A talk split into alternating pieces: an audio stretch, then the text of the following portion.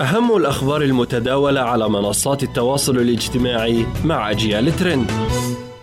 أهلا وسهلا بكم مستمعي ومستمعات أجيال هذا أجيال ترند. معكم حنان محبوبة.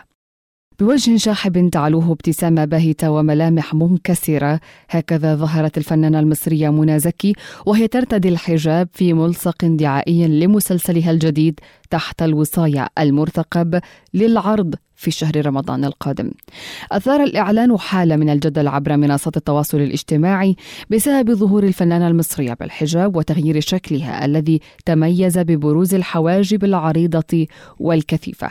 كما أعاد الملصق طرح قضية تمثيل الحجاب في الدراما المصرية وطرح تساؤلات حول ما إذا كان الغرض منه تلميع المحجبات أو تشويه صورتهن أم إثارة فضول المشاهد في حالة منى زكي يرى كثيرون ممن استوقفهم وأغضبهم الإعلان أنه يحاول حصر صورة المرأة المحجبة بين قوسين في قالب محدد وأسلوب سردي ينتقص من قدراتها ويظهرها كامرأة ضعيفة مسلوبة الإرادة.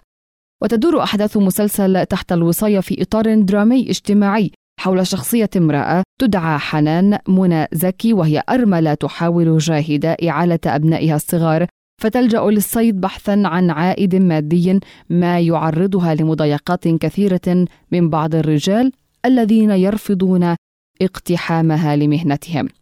كما تدخل الشخصية في صراع مع المجلس الحسبي وهي الجهة الحكومية المنوط بها الوصاية على الأبناء القصر بعد وفاة زوجها. الانتقادات التي طالت المسلسل دفعت البعض للاعتقاد بوجود حملة ممنهجة ضد منى زكي دون غيرها من الممثلات يرى فريق من المغردين والمدونين أن حضور المرأة المحجبة في الدراما ارتبط في السنوات القليلة الماضية بصورة المرأة التي لا تفكر سواء في تأمين لقمة العيش بينما أظهرت غير المحجبات كنموذج للمرأة الناجحة التي تتولى مناصب قيادية. يبدو أن الانتقادات الموجهة للملصق قد قدمت دعاية مجانية على طبق من فضة لمسلسل تحت الوصاية إذ أظهر كثيرون حماسا لمتابعته. إلى هنا نصل إلى ختام أجيال ترند. دمتم بخير وإلى اللقاء.